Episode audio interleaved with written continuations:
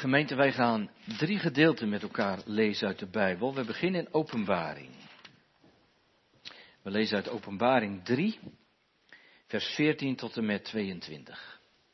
En daarna nog een gedeelte uit Spreuken en vervolgens terug naar het Nieuwe Testament, naar Hebreeën. Eerst Openbaring 3, vers 14 tot 22. Dat is de laatste brief van Paulus die hij schrijft aan de zeven gemeenten in Klein-Azië. En schrijf aan de engel van de gemeente in Laodicea, dit zegt de Amen, de getrouwe en waarachtige getuige, het begin van Gods schepping. Ik ken uw werken en weet dat u niet koud bent en niet heet. Was u maar koud of heet, maar omdat u lauw bent en niet koud en niet heet, zal ik u uit mijn mond spugen. Want u zegt, ik ben rijk en steeds rijker geworden, ik heb aan niets gebrek, maar u weet niet dat juist u ellendig, beklagenswaardig arm, blind en naakt bent.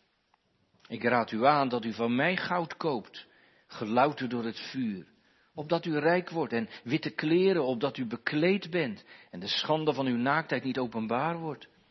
En zalf uw ogen met ogen zalf, opdat u zelf kunt zien. Opdat u zult kunnen zien. Ieder die ik lief heb, wijs ik terecht en bestraf ik. Wees dan ijverig en bekeer u. Zie, ik sta aan de deur en ik klop. Als iemand mijn stem hoort en de deur opent, zal ik bij hem binnenkomen en een maaltijd met hem gebruiken. En hij met mij. Wie overwint, zal ik geven met mij te zitten op mijn troon, zoals ook ik overwonnen heb. En mij met mijn vader op zijn troon gezet heb. Wie oren heeft, laat hij horen wat de geest tegen de gemeente zegt. Tweede lezing vindt u in Spreuken 3.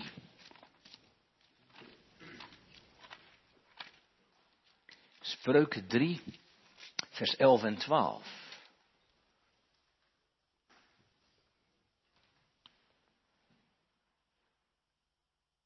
En dat is ook de tekst voor de preek. Spreuken 3. En dan twee spreuken daaruit, het elfde en twaalfde. Mijn zoon, verwerp de vermaning van de Heere niet. En heb geen afkeer van zijn bestraffing. Want de Heere straft wie hij lief heeft. Zoals een vader doet met een zoon die hij goedgezind is. En dat is uit Spreuken 3. En dan onze laatste lezing vindt u in Hebreeën 12. Hebreeën 12, vers 5 tot 13.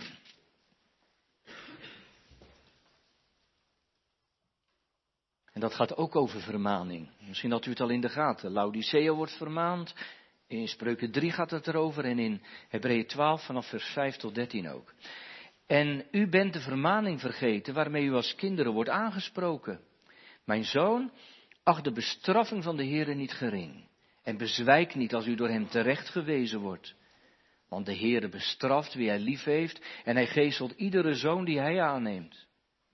Als u bestraffing verdraagt, behandelt God u als kinderen. Want welk kind is het dat niet door zijn vader bestraft wordt? Maar als u zonder bestraffing bent waar alle deel aan hebben gekregen, bent u bastaarden en geen kinderen. En verder hebben, hadden wij onze aardse vaders als opvoeders en wij hadden ontzag voor hen. Zullen wij ons dan niet veel meer onderwerpen aan de Vader van de geesten en leven? Want zij hebben ons wel eh, voor een korte tijd naar het hun goedacht bestraft.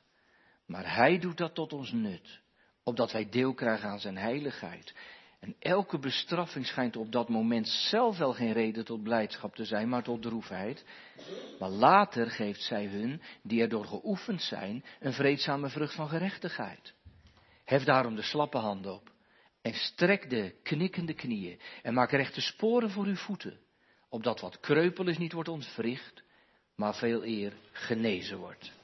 Tot zover onze schriftlezingen. En gemeente, de tekst voor de preek komt dus uit dat middelste gedeelte wat wij lazen, Spreuken 3, vers 11 en 12.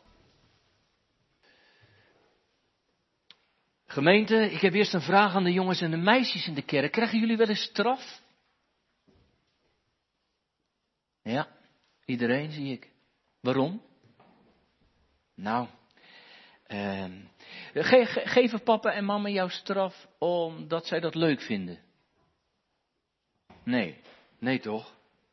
Maar, maar waarom dan wel? Waarom krijg je dan wel straf? Nou, ik weet het hoor. Ik weet het. Kijk jongens en meiden, weet je wat het is? Papa en mama, willen heel graag dat jij een lieve jongen en een lief meisje bent. En uh, papa en mama willen heel graag dat je geen verkeerde dingen doet. En niet verkeerde, dingen kies.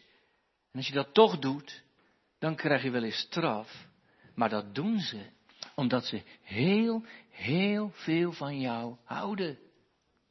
Echt waar. Weet, weet je dat de Heere God dat soms ook doet? Echt waar. Dan, dan laat de Heere God iets gebeuren, soms ook met jouzelf, wat je niet leuk vindt. Maar dat doet Hij omdat Hij niet wil dat je verkeerde dingen doet. En dat doet Hij omdat Hij wil dat je heel dicht bij Hem blijft. Dat je echt leeft als zijn kind. Gemeente, dat, dat kon je je natuurlijk als kind vroeger nauwelijks voorstellen. Dat je, dat je straf kreeg van je ouders om, omdat ze je lief hadden en dat ze dat uit liefde deden. Maar, maar misschien heeft u dat later beter begrepen. Die bepaalde strengheid van je vader. Die, die overbezorgdheid van uw moeder. Dat, dat die er was. Uit liefde.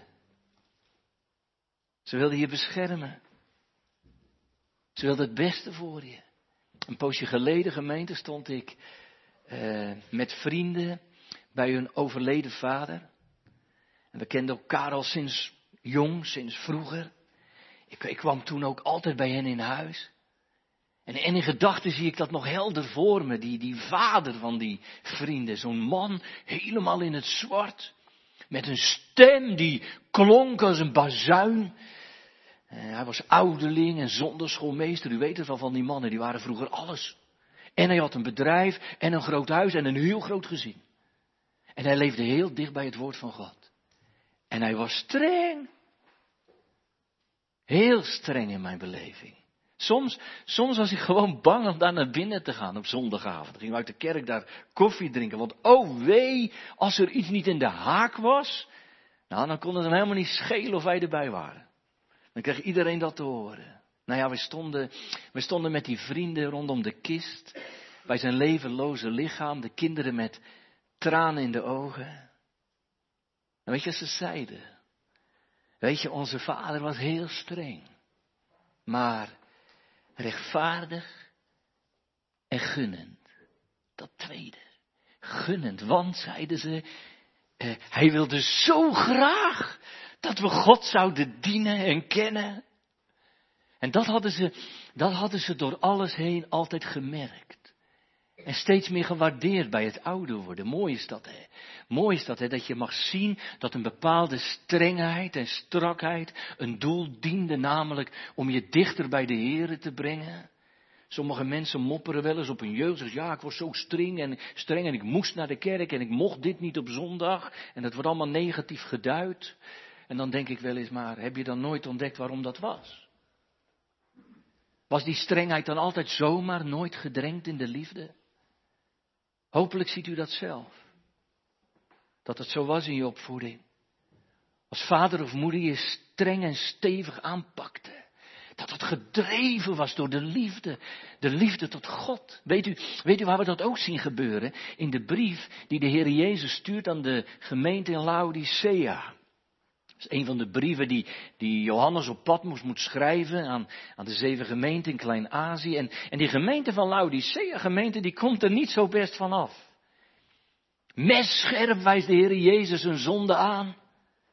Ik ken uw werk, u bent niet koud, niet heet, lauw, ik, ik spuug u uit mijn mond. Want u zegt, ik ben rijk en steeds rijker geworden en heb aan niets gebrek. Maar, maar weet u niet dat u ellendig bent? En beklagenswaardig. En arm en blind en naakt. Dat is niet mis. Nee, gemeente, dat, dat is niet mis. Laudis, Laudicea gaat op de pijnbank. En de strengheid van de koning van de kerk raakt hen. Jullie kunnen nou wel zo'n leuke gemeente zijn. Maar hoe zit het eigenlijk innerlijk en van binnen? En gemeenten zijn straffende, strengende, strenge hand raakt hen. En, en dat doet pijn toch? Maar, maar, luister, dan staat er in het vervolg van de brief aan Laodicea ineens iets heel moois. Ieder die ik lief heb, die wijs ik terecht. en bestraf ik. Hoort u dat? Hoort u dat? God straft, hij bestraft uit liefde. Gemeente, dat is straffen met tranen in de ogen. Dat, dat herkent u toch wel, hopelijk? Je bent streng voor de kinderen, je straft soms, maar je doet dat uit diepe bewogenheid. Niet uit woede, toch, hopelijk? Dat is niet goed. Maar omdat je van ze houdt en het goede met ze voor hebt. Op zo'n manier, hè, op zo'n manier probeert Salomo vanmorgen in de spreuken eh, ons vandaag te laten kijken. Hij zegt, ja, God bestraft soms, zeker. Maar weet u waarom? Omdat hij lief heeft. Dan brengt God je in de beproeving, dan komt er tegenwind en tegenstand in je leven. Weet u hoe David dat noemt? David zegt dan, dag en nacht drukte Gods hand zwaar op mij. Dat is de moeite, het kruis en de nood die er waren in zijn leven.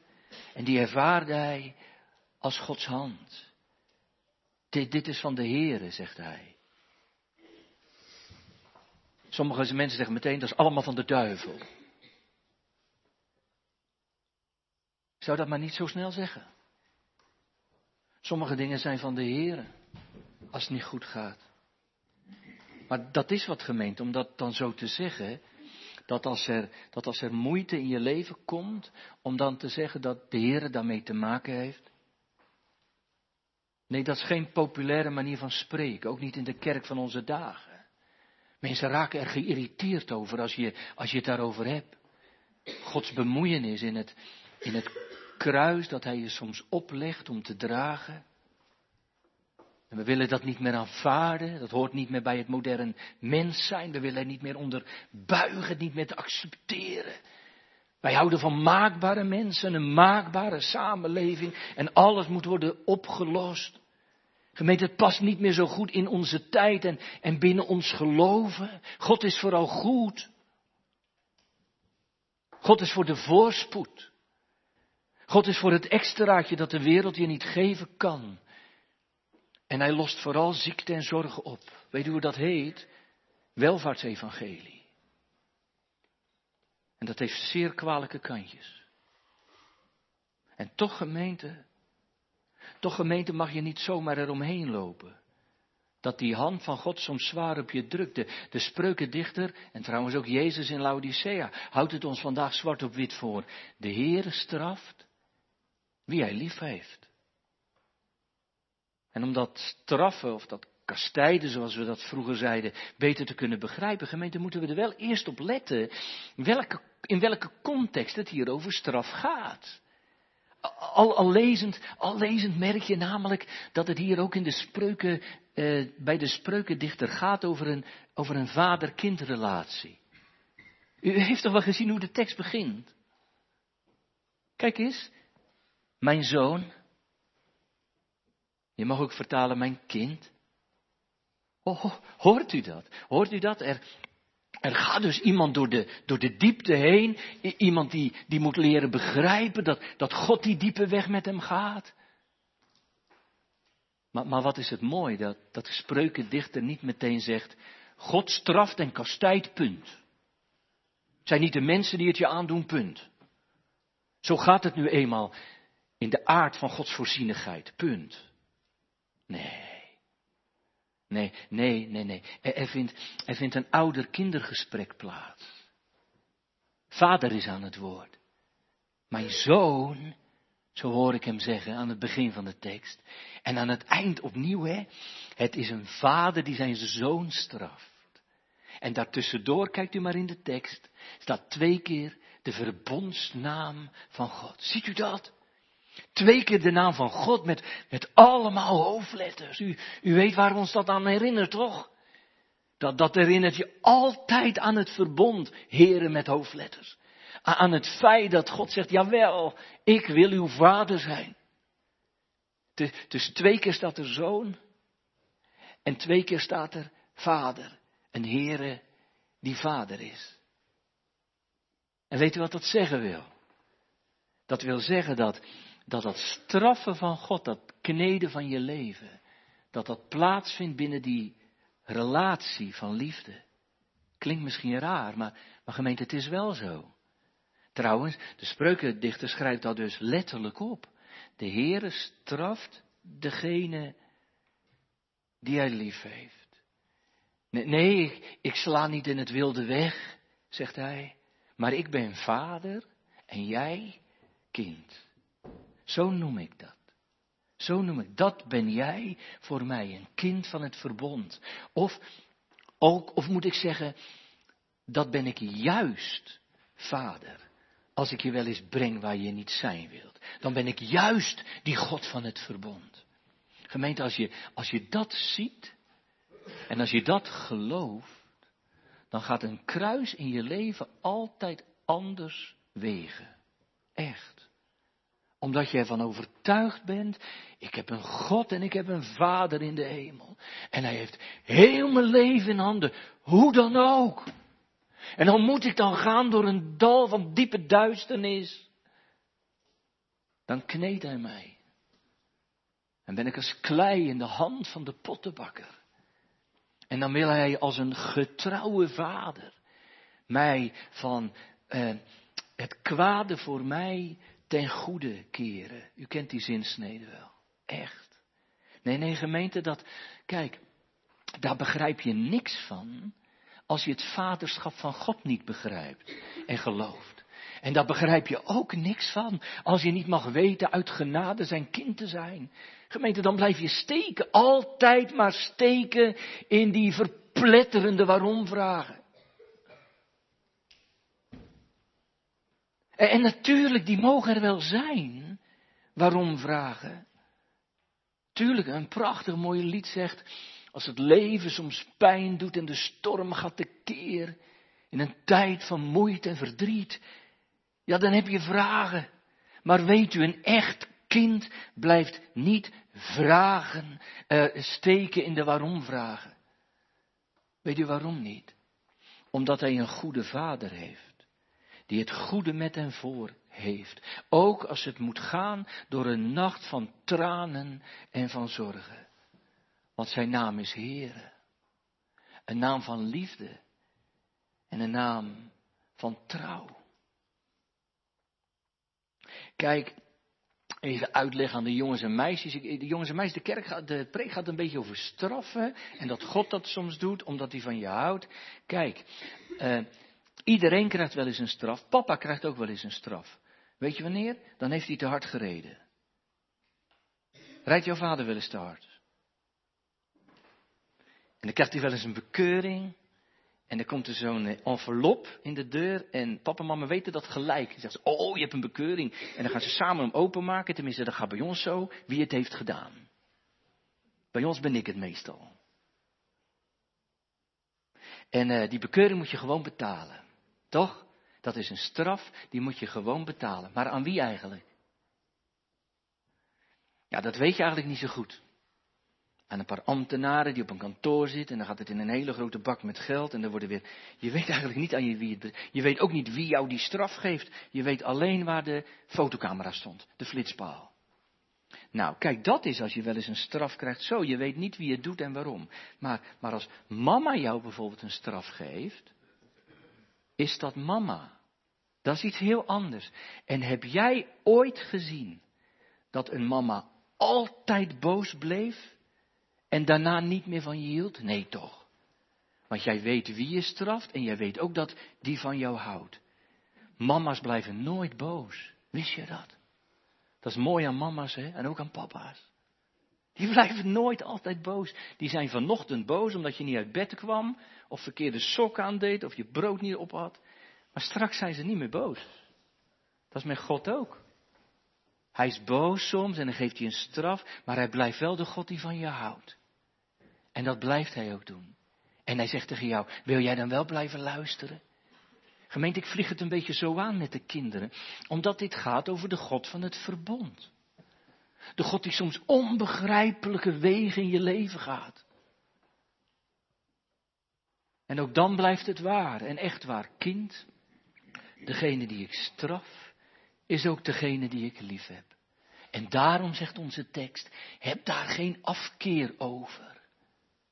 Dus, dus, dus Salomo neemt ons wel even mee. Die zegt, ik begrijp dat je dat moeilijk vindt, zoon. Maar wees er niet afkerig over. In de Statenvertaling staat, wees er niet verdrietig over. Kijk gemeente, dat, dat woord moeten we goed begrijpen, wees er niet afkerig over. Dat betekent niet, uh, je mag er niet om huilen. Daarom ben ik wel blij dat we het nu vertalen met afkerig. Alsof je niet verdrietig mag zijn als er slagen vallen in je leven. Maar gemeente, dat woord verdrietig of afkerig betekent hier iets anders. Salomo bedoelt hier te zeggen, en dat staat wat dichter bij het woord in het Hebreeuws ook. Als je nou gestraft wordt door de Heer en je gaat onbegrijpelijke wegen, laat het je niet vervullen met afschuw, met afkerigheid. Het woord kan zelfs betekenen walging. Hè? Jongelui, jullie weten dat. Hè? Mensen die gaan soms walgen van God. Die zeggen, als God dat allemaal toelaat. En wie wilde nou zo'n God? En dat is walging. Dan heb je totaal geen verstand wie God is. En waarom die sommige dingen doet. Salomo zegt vandaag ook tegen de jongelui, jongens, als je nou gelovig bent en God gaat onbegrijpelijke wegen, laat je niet meenemen in de afkeer.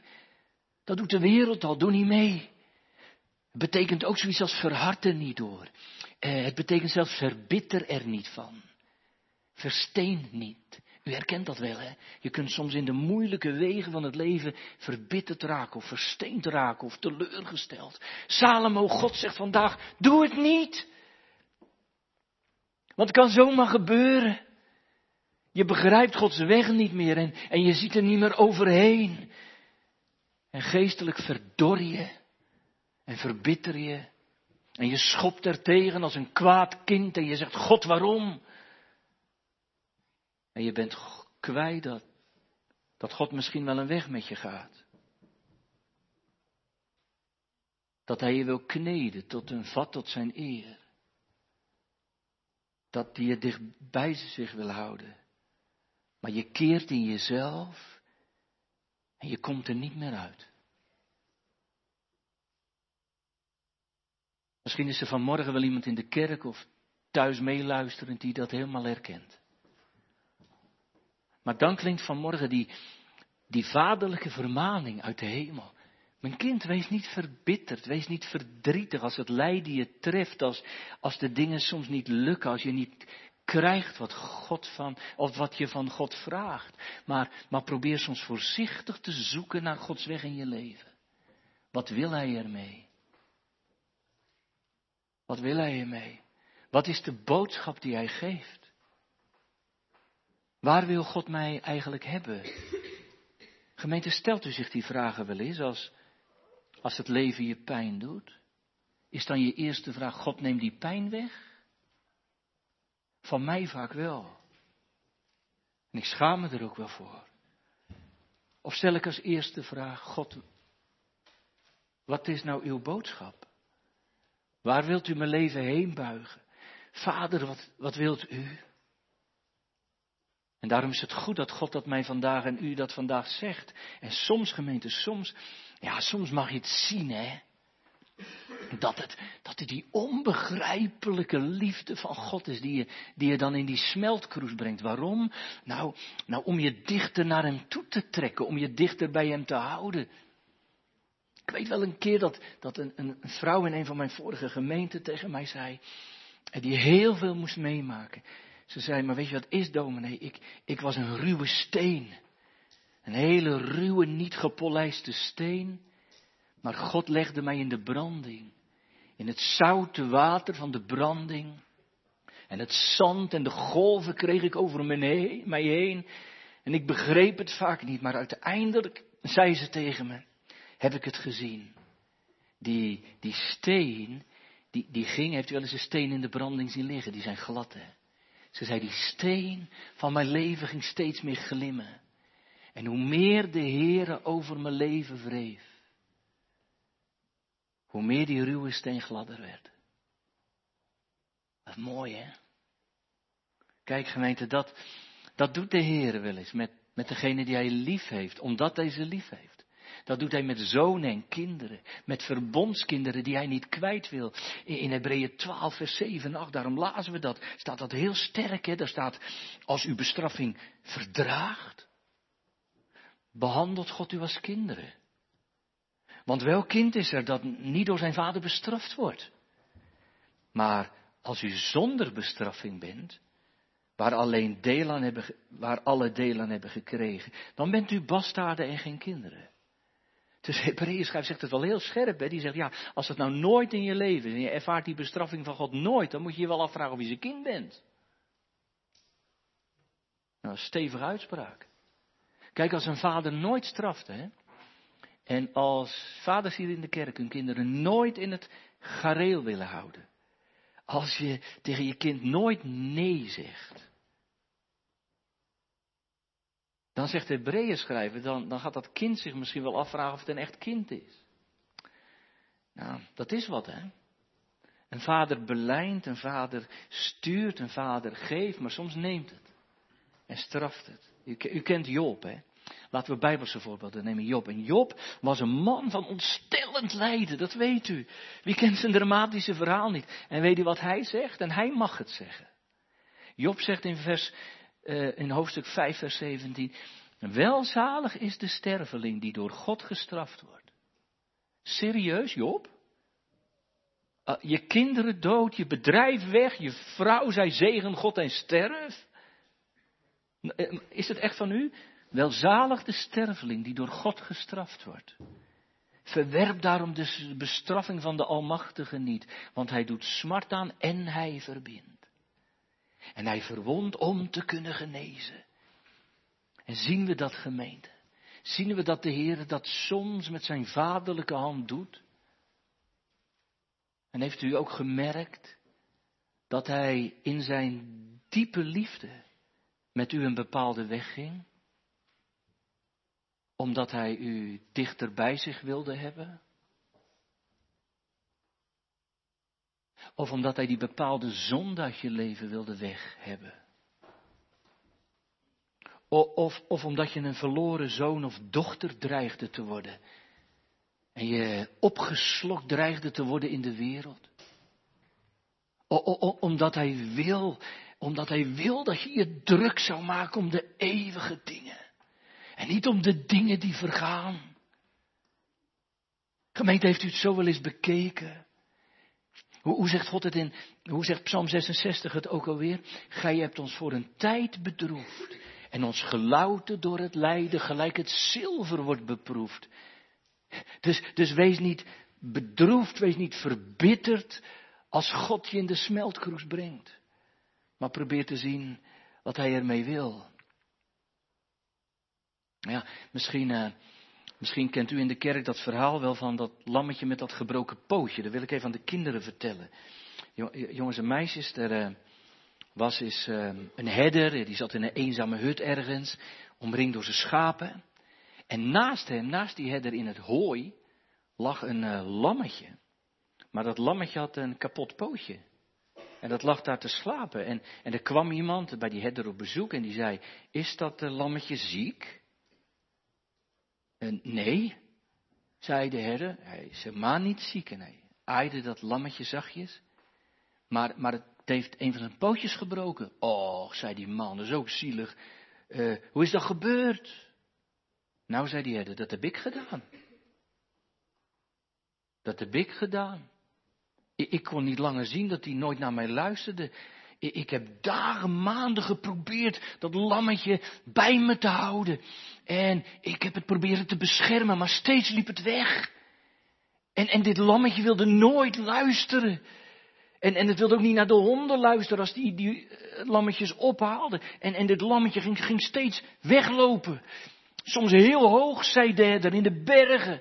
Weet je dat ik dit lammetje heel vaak heb gevonden bij de afgrond en gered? En weet je dat er ook een keer een adelaar kwam, die wilde dit lammetje meenemen. En ik heb het nog net kunnen redden. En weet je wat het ergste was, zei die herder? Er waren boze dieren die het spoor van het schaapje van het lammetje gingen volgen. Nou, dat was natuurlijk heel gevaarlijk voor ons. En eh, weet je wat ik toen heb gedaan, zei die herder? Toen heb ik zijn poot gebroken. Maar het gaat wel snel weer over. Ja, ik zei die herder, ik had het eigenlijk niet pijn willen doen. Want dat lammetje werd kwaad en dat beet me. En eerst wilde het ook niet meer eten daarna. Maar daarna heb ik dat pootje weer verbonden. En een zalfje op gedaan. En, uh, en nu blijft hij bij me. jongens en meisjes, waarom deed die herder dat nou? Jullie weten het wel, hè? Waarom brak die herder nou het pootje van dat lammetje? Weet je waarom? Hij dat niet had gedaan, dan was er een wolf gekomen later en dat had dat lammetje opgevreten of een adelaar. Of dan was het verdwaald en nooit meer thuisgekomen. Dus die herder deed dat lammetje pijn, zodat het lammetje daarna altijd dicht bij hem zou blijven. En gehoorzaam zou blijven. Ik denk dat jullie het wel snappen. Soms, jongens en meisjes, doet de Heer iets niet leuks in je leven. Weet je waarom? Om je heel dicht bij Hem te houden. Weet u gemeente, Hij is een vader die je behoud op het oog heeft. En, en, en die vader kan het niet aanzien dat kinderen van het verbond, gedoopte kinderen, verloren gaan. Om het met de Hebreeën schrijver te zeggen, dan liet hij u wel lopen. Als je een bastardkind was, dan liet hij je wel gaan. Dan liet hij je wel aan jezelf over. Dan keek hij niet meer naar je om. Maar gemeente, zo zit God niet in elkaar. Hij trekt lijnen, hij trekt strepen tot, tot je behoudt. Echt, nee, nee, dat zie je niet altijd. Dat zie je niet altijd. Moet je de psalmen maar lezen. In Psalm 73 bijvoorbeeld, Asaf gaat er bijna een stuk aan. Hij zegt, oh God, ik houd het niet meer uit. Waarom heb ik een kruis en mensen die u niet dienen, die gaat het geweldig in het leven. Ja, totdat hij ontdekt waarom God het doet. Hij zegt, ik peinsde met mijn ziel, is het waar? Zou God wel weten van mijn droevig lot? Zou de Allerhoogste van mijn klagen en mijn bittere kennis, uh, van mijn bittere rampen kennis dragen? Hoor je dat, jongelui? Dus dat is gewoon een bidder die zich afvraagt. Is God er wel? Luistert hij wel? Ja, je ziet het niet altijd even scherp. Maar later wel. Later als hij in de tempel komt, als God tot hem begint te spreken en het over vergeving en liefde gaat, dan weet hij het weer. Gemeente, en ze waren er meer hoor in de Bijbel, die, die het niet meer zagen en die het ook niet meer zagen zitten. Die Job, hè, die net zulke mooie dingen zei, ik verkondigde het u. Die zei ook wel een keer andere dingen hoor. Hij was geen heilig of zo. Op een dag vervloekte hij zijn geboortedag. Was ik maar nooit geboren. Man. Jeremia trouwens ook, een, een profeet. Die wou ook sterven. En Elia, die zag het ook niet meer zitten. Hij wilde stoppen. Duizend zorgen, duizend noden kwellen soms je angstvallig hart. Misschien, misschien herkent u het wel. Ik vind de psalmen vooral zo mooi. Die daarover zingen. Ik ben gewoon in bange dagen mijn benauwdheid u te klagen. Gij toch, Heere, die alles ziet, hoor mij en verstoot mij niet. En dat je kind bent en zoon of dochter wordt genoemd, dat, dat dringt niet door. En zou de tekstgemeente ons vanmorgen dan juist niet willen bemoedigen? Mijn zoon, mijn dochter, kijk eens goed. Wees niet verbitterd over bestraffing. Mijn weg met jou gaat door de diepte zeker. Maar weet, het is omdat ik van je hou. En je niet kwijt wil. Ik wil je ergens hebben. Je bent niet gedoopt. Ik ben niet de God van het verbond om je daarna een beetje rond te laten dolen in het niks. Maar ik wil je vader zijn en blijven. Ik wil je ergens hebben. Maar waar dan, heren? Bij het kruis. Mijn kind. Want bij het kruis van Christus op Golgotha, daar, daar legt de heiland zijn, zijn doorboorde hand op mijn leven. En daar leer ik er getroost door te zijn. Zijn striemen brengen mij genezing. Ze genezen me innerlijk, soms ook uiterlijk. Gemeente, hebt u dat ook zo nodig? Hebt u dat ook zo nodig? Dat, dat de Heer je soms, om het Bijbels te zeggen, moet geestelen zodat je met je striemen bij de Heer Jezus terechtkomt. Bij het kruis. En daar heelt hij alle smart, zegt een prachtig lied. Gemeente, juist bij het kruis van de Heer Jezus Christus op Golgotha schuift, schuift de Heer Jezus dat, dat zwarte gordijn van mijn verdriet en pijn opzij. En ziet u het? Ik zie een doorboorde hand die langzaam de sluier van mijn lijden oplicht. En zo krijg ik zicht op mijn vader, op mijn hemelse vader. Weet u, weet u lieve gemeente, de, de Heere, de Heere maakt je soms een kruisdrager om je bij de kruisdrager te brengen, Jezus Christus. En God wil niets liever dan, dan dat wij uitgewerkt raken en, en moede arm en naakt gaan tot de God die zalig maakt. De Heere straft wie hij lief heeft, zodat je uiteindelijk alleen aan genade genoeg hebt. Paulus bad de hemel stukken. Paulus zei dat hij doren in zijn vlees, hij had te lijden aan iets wat hij maar niet kwijtraakte.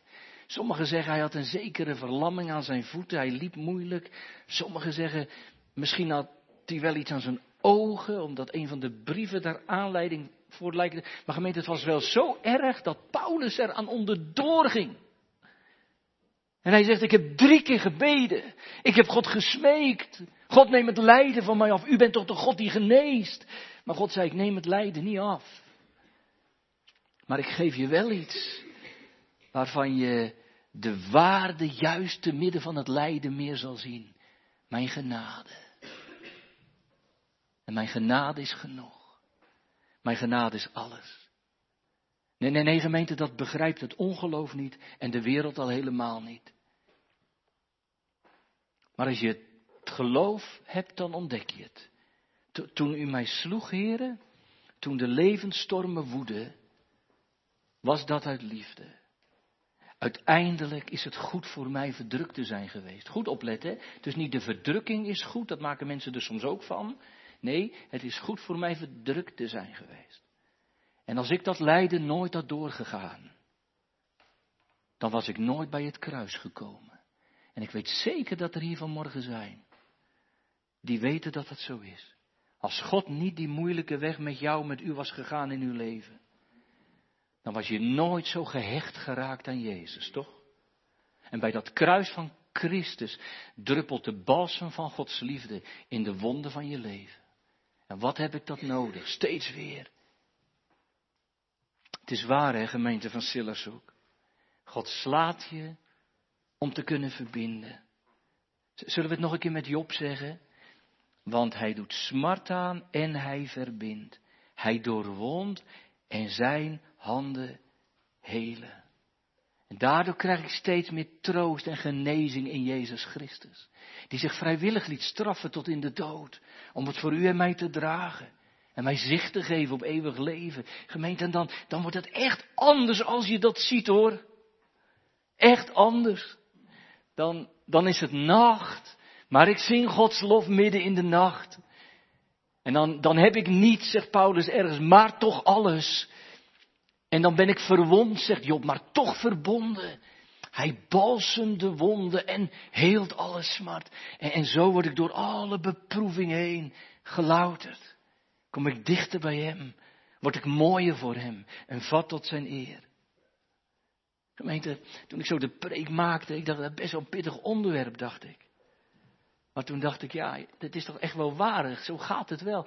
Weet u waar, waar ik de mooiste getuigenissen heb gehoord van Gods genade? Jongelui, ik ben 25 jaar dominee en heb je heel veel mensen bezocht. Ontstellend veel. Weet je waar ik de mooiste verhalen hoorde? Niet op bruiloften of jubilea.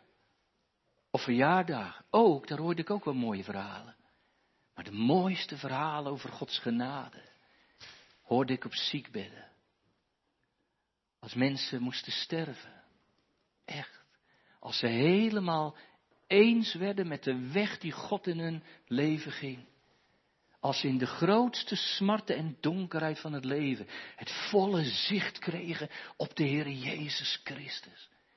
Dat waren de mooiste dingen. Mijn eigen dominee zei vroeger, eh, de mooiste parels vind je in de diepste zeeën. Nou, ik vond dat wel mooi gezegd. En Luther zei het zo. Luther zei, God is goed, ook al zegent hij u met een kruis. Vind je wel mooi, hè? Dus hij zegt niet, God is goed, dus zegent hij je met een kruis. God is goed, ook al zegent hij je met een kruis. Maar, gemeente, dan moet je wel in dat kruis Gods vaderhand ontdekken. En dan zeg ik, ja, hij slaat mij wel met medelijden, zoals een vader doet. En, en hij leert mij gaandeweg het leven, dat het lijden van deze tegenwoordige tijd niet is op te waarderen tegen de heerlijkheid die komt. Dan ga ik in het lijden steeds meer de, de heerlijkheid zien die bij God is en, en de uitkomst die Hij belooft te geven. En ik zeg met een gebroken stem soms, het is mij goed verdrukt te zijn geweest. Want in de grootste smarten bleven onze harten in de Heere gerust. En als je dat ontdekt, gemeente, dan zegt de wereld misschien, jij hebt niks. Maar je hebt alles. Dan zegt de wereld misschien, wat is het voor jou donker. Maar je leeft in het licht. Dan zegt de wereld misschien, nou voor jou is geen toekomst.